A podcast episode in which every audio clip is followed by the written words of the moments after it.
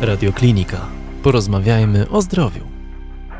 Jeżeli ktoś widzi, że dziecko jest krzywdzone, domniemuje nawet, ma obowiązek zgłosić. Pamiętajcie Państwo, że zło ze zdwojoną siłą wróci. Jeżeli ja widzę, że dziecko jest krzywdzone, nie ma znaczenia, czy jest to sąsiad, czy jest to rodzina i nie ingeruję, to współuczestniczę w przestępstwie. Ja to zawsze mówię.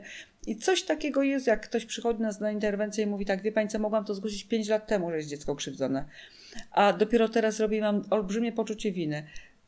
No i dobrze.